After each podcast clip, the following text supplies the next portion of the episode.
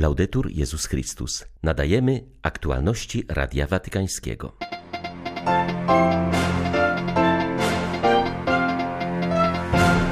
Dziś trzechsetny dzień wojny na Ukrainie. Nie słabną rosyjskie bombardowania, ale Ukraińcy wzrastają w ogólnonarodowej solidarności, zapewnia arcybiskup Światosław Szewczuk.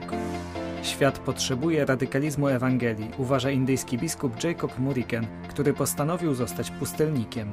W ostatniej kontrolowanej przez dżihadystów prowincji Syrii wciąż żyją chrześcijanie. Nasza sytuacja jest bardzo trudna, ale Pan Bóg nas nie zdradził, daje nam siły i odwagę, mówi ich duszpasterz ojciec Hanna Dżalów. 20 grudnia witają Państwa ksiądz Tomasz Matyka i Krzysztof Bronk. Zapraszamy na serwis informacyjny. Dzisiaj jest trzechsetny dzień wojny na Ukrainie. Zacięte walki trwają na całej linii frontu, a szczególnie w obwodach ługańskim i donieckim. W całym kraju doszło znowu do ataków na ludność cywilną z różnego rodzaju broni. Ucierpiały m.in. okolice Czernichowa, Sum, Charkowa, Hersonia, ale jak wskazał w swym codziennym przesłaniu arcybiskup Światosław Szewczuk, duch wzajemnego wsparcia oraz solidarności w narodzie ukraińskim pozostaje silny i ich ojczyzna stawia bohaterski opór najeźdźcom. Zwierzchnik miejscowych grekokatolików dziękował dziś młodzieży za jej ogólną postawę w trakcie tej wojny. Zachęcał też do dalszego odważnego stawania po stronie prawdy. Nie bójcie się brać odpowiedzialności za dobro, które możecie uczynić dla swojego kościoła i narodu, zaznaczył arcybiskup Szewczuk. W tych dniach my W tych dniach znów widzimy chwilę ogólnonarodowej solidarności, zwłaszcza z osobami żyjącymi bez światła i ogrzewania. Ludzie pomagają sobie nawzajem. I ta ludzka, chrześcijańska solidarność ogrzewa oraz rozjaśnia Ukrainę, dając nam wszystkim odczucie, że razem jesteśmy silni. A gdy spoglądamy na nasze młode dziewczyny i chłopaków, rzuca się w oczy, iż ukraińska młodzież jakoś tak szybko, mocno wydoroślała. Nawet dzieci, które pod bombardowaniami ratują swoich zranionych rodziców, zachowują się, myślą, działają bardzo podobnie do dorosłych. Płynie stąd takie wrażenie, że wojna kradnie dzieciom ich dzieciństwo, a młodzieży jej młodość. Ale jak wiemy, dojrzałość stanowi zdolność odczuwania wewnętrznej, nierozerwalnej więzi między wolnością oraz odpowiedzialnością. Dojrzały to ktoś, kto rozumie następstwa swoich świadomych i dobrowolnych uczynków oraz bierze odpowiedzialność za samodziałanie, a także za jego konsekwencje. I widzimy, jak nasze dzieci, nasza młodzież odważnie biorą na siebie odpowiedzialność za swój naród, za swoją ojczyznę. Porównując ich z rówieśnikami z innych krajów świata, nasi młodzi są nadzwyczaj dojrzali, nawet w swoich osobistych życiowych marzeniach czy planach, w swoich życiowych wyborach. Rzeczywiście, ukraińska młodzież potrafi wybierać dobro nie tylko własne, ale również wspólne ale też suspilny. Jestem gotowy przebaczyć Rosjanom, ale nie od razu. Dziś walczymy o przetrwanie. Na pojednanie przyjdzie czas, kiedy zakończy się wojna, mówi kijowski biskup pomocniczy Aleksander Jazłowiecki.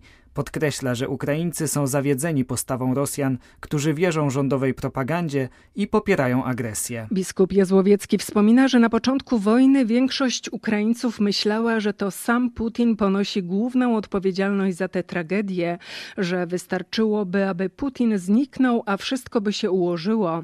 Z czasem jednak, rozmawiając z naszymi znajomymi Rosjanami oraz z Ukraińcami, którzy mają w Rosji przyjaciół i krewnych, zrozumieliśmy, że tak nie jest jest. Ze smutkiem odkryliśmy, że rosyjski naród myśli tak, jak mu dyktuje rząd, mówi kijowski biskup. Dotyczy to również postawy patriarchy Cyryla.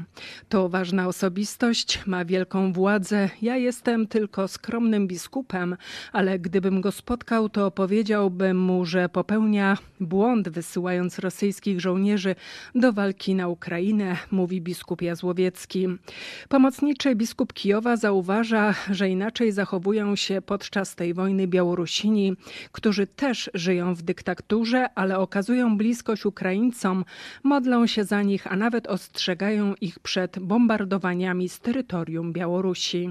Przyznał on, że na początku wojny obawiał się reakcji wierzących, że ta tragedia naruszy ich wiarę, a kościoły opustoszeją, że ludzie będą mieć za złe Bogu, iż do tego dopuścił. Jest tymczasem odwrotnie. Ludzie nadal się modlą, również w nocy czy w czasie nalotów. Zapytany, jak sobie radzi z chrześcijańskim obowiązkiem przebaczenia, biskup Jazłowiecki przyznał, że przebaczenie to długi i trudny proces. Rozum mówi nam, że trzeba to zrobić, ale emocje na to nie pozwalają, są zranione.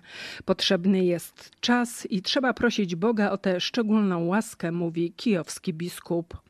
Przyznaje, że na Ukrainie się o tym jeszcze nie mówi. Dopóki krwawimy, nie jesteśmy w stanie przebaczyć. Jeśli już, to będzie na to czas po wojnie, nie teraz, dodaje biskup Jazłowiecki. Od ponad tygodnia Azerowie blokują jedyną drogę łączącą Górski Karabach z Armenią. Tym samym 120 tysięcy Ormian zamieszkujących sporny region zostało odizolowanych od świata. Zatroskanym sercem od kilku dni śledzimy wydarzenia w Górskim Karabachu, oświadczył patriarcha Karekin II. Blokada została postawiona przez grupę osób podających się za aktywistów ekologicznych. Formalnym celem jest protest przeciwko działalności lokalnej kopalni złota. Zwierzchnik ormiańskiego kościoła apostolskiego tłumaczy jednak, że blokada jest wyrazem rządowej strategii Azerbejdżanu. Dziś Azerowie starają się wyludnić Górski Karabach poprzez sianie terroru, mówi patriarcha. Same słowa potępienia nie wystarczą, aby powstrzymać azerską ambicję ekspansji i zatrzymać ich wrogie działania. W szczególnie trudnej sytuacji są mieszkańcy Górskiego Karabachu, którzy utknęli w Armenii. Grozi im, że z powodu blokady nie wrócą do domu na święta. Wśród nich jest grupa uczniów, która wyjechała na tegoroczny konkurs piosenki Eurowizji dla dzieci. Górski Karabach jest w praktyce niezależnym państwem, którego terytorium jest jednak uznawane za część Azerbejdżanu. Od końca lat 80. toczą się walki o ten teren. Dwa lata temu znaczną część spornego regionu przejął Azerbejdżan. Walki wybuchły na krótko również we wrześniu tego roku, ale udało się je wygasić. Na terenie łączącym Górski Karabach z Armenią stacjonuje 2000 rosyjskich żołnierzy, pełniących rolę sił pokojowych. Kurię biskupią zamienił na życie w pustelni. Mowa o 59-letnim indyjskim biskupie Jacobie Murikenie, który od sierpnia został pustelnikiem. Powtarza on, że modlitwa może przemienić świat potrzebujący radykalizmu Ewangelii. Dla syromalabarskiego hierarchy wzorem jest Franciszek z Asyżu, znany ze swej prostoty i surowego trybu życia. Duchowny należy do Kościoła Wschodniego, który jest zjednoczony z Rzymem.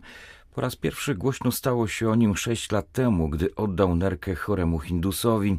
Teraz indyjskie media szeroko piszą o tym, jak stał się eremitą. W najnowszym wywiadzie biskup Morikan wyznaje, że codziennie spędza 8 godzin na modlitwie liturgicznej i osobistej. Pierwszą odmawia o godzinie trzeciej w nocy, resztę czasu poświęca na studium biblijne, pracę i pisanie. Strój biskupi zamienił na pomarańczową tunikę charakterystyczną dla hinduskich ascetów. Wyznaje, że inspirację do zmiany swego stylu posługi w kościele znalazł na modlitwie. Natchnienie przyszło po pięciu latach bycia biskupem pomocniczym, ale do jego realizacji musiał dojrzeć, upewniając się w sercu, że było to wołanie samego Boga. Motywując swój wybór, zauważa, że współcześnie żyjemy w społeczeństwie, w którym każda chwila musi być wypełniona projektami, aktywnością i hałasem. Jest to czas ciągłego ruchu, zawsze z ryzykiem robienia dla samego robienia, a dziś trzeba raczej być niż próbować robić. Pustelnik, który zachował tytuł biskupi, podkreśla, że pośród materialnych wygód człowiek doświadcza duchowej pustki.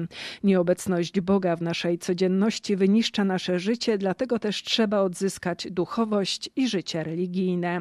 Wskazuje, że drogowskazem może w tym być życie pustelnicze idące pod prąd światowym tendencjom. Biskup pustelnik wskazuje, że zadaniem Kościoła jest uczyć ludzi modlitwy i prawdziwej relacji z Bogiem, bo tylko to pomoże im od odnaleźć w życiu wszystko, co naprawdę ważne. Powracam do Syrii, do moich wiernych z życzeniami od samego papieża. Wierzymy, że i my pewnego dnia będziemy mogli ponownie obchodzić Boże Narodzenie, mówi ojciec Hanna Żalów, który posługuje w jedynej syryjskiej prowincji nadal pozostającej pod kontrolą dżihadystów. Jak mówi, w tym momencie całe życie religijne jego wiernych ogranicza się do kościoła. W swym domu nie mogą przygotować nawet świątecznej choinki. Jest to surowo zakazane, dodaje ojciec Żalów. W ubiegłą sobotę został on uhonorowany przez papieża nagrodą dekasterii do spraw posługi miłosierdzia za to, że pozostał wśród chrześcijan na terytoriach okupowanych przez islamistów i nieustannie śpieszy im z pomocą. Goszcząc w Radiu Watykańskim, ojciec Żalów przyznał, że sytuacja jego wiernych jest bardzo trudna, a mimo to nie zaparli się swej wiary i trwają przy Chrystusie. Żyjemy w prowincji Idlib w północnej Syrii, 43 km od Antiochii. Jesteśmy w bardzo bolesnym położeniu. Kiedyś było tu 10 tysięcy chrześcijan. Teraz jest nas 600, 210 rodzin w trzech wioskach. Wszyscy inni uciekli, również kapłani i siostry zakonne. Jesteśmy tylko my, dwaj Franciszkanie, którzy posługujemy tym ludziom, niesiemy im pomoc, zarówno duchową, jak i humanitarną i medyczną. Pan Bóg nas nie zdradził, zawsze był z nami, zawsze nas wspomagał i niósł ulgę w cierpieniu, dawał nam siłę, byśmy mogli wytrwać. Nawet jeśli nas porywano, więziono, Zmuszano mnie, bym został muzułmaninem, ale Pan dał mi siłę, bym wytrwał i dał mi też odwagę, bym mógł dać świadectwo naszej chrześcijańskiej wierze. Ludzie, wśród których żyjemy, wiedzą, że jesteśmy lojalni i szczerzy. Naszą wiarą możemy żyć tylko w Kościele. Kiedy wychodzimy na zewnątrz, musimy zdjąć wszystkie oznaki chrześcijańskie. Nie możemy bić w dzwony, nie możemy nosić habitu. Kobiety muszą zakrywać twarz i tak dalej. Żyjemy w bardzo trudnych okolicznościach, ale nie upadamy. Im bardziej nas ograniczają, tym bardziej radujemy się w wierze. E, e più si stringono, più non ci allarghiamo di fede. Jestem zdumiony narodzinami Chrystusa i zbawieniem, jakie to wydarzenie przyniosło, mówi kardynał Ayuso Guichot w przesłaniu świątecznym. Przy okazji zbliżającego się Bożego Narodzenia pyta każdego z nas, czy odczuwamy to zdumienie. Prefekt dykasterii do spraw dialogu międzyreligijnego zaznacza również, że zaskakuje go radość i życzliwość, z jaką nasi bracia i siostry z innych religii dołączają do chrześcijan w świętowaniu tego wyjątkowego czasu. Ich wierzenia są inne, lecz szanują naszą wiarę, że Bóg jest z nami jako jeden z nas, zaznacza kardynał Giszu. Byli tam pasterze idący od drzwi do drzwi i mówiący mieszkańcom Betlejem, że zobaczyli pełne chwały duchy niebiańskie. Aniołowie powiedzieli im o nadejściu długo oczekiwanego Mesjasza i o tym, że jest bezbronnym dzieciątkiem leżącym w żłóbku, otoczonym przez zwierzęta i strzeżonym przez dwóch rodziców. Ewangelia świętego Łukasza mówi nam, że ludzie tamtych czasów nie wyśmiali ani też nie zignorowali pasterzy, lecz byli zdumieni. Dzisiaj, w roku 2022, gdy zaczynamy świętowanie tego wydarzenia, czy my także jesteśmy zdumieni? Czy dziwimy się na słowa, że Chrystus się narodził? Niech nasza świadomość, że jesteśmy kochani, inspiruje nas do wyjścia z miłością i troską do naszych braci i sióstr, należących do jednej ludzkiej rodziny, zwłaszcza do tych, którzy najbardziej cierpią w tym świątecznym czasie.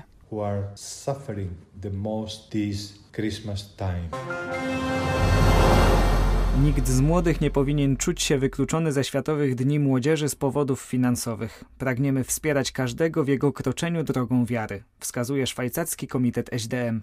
W ramach przygotowań do organizowanego na najbliższe lato w Lizbonie wydarzenia osoby powyżej 30 roku życia są tam zachęcane do udzielenia logistycznego, duchowego, a także finansowego wsparcia.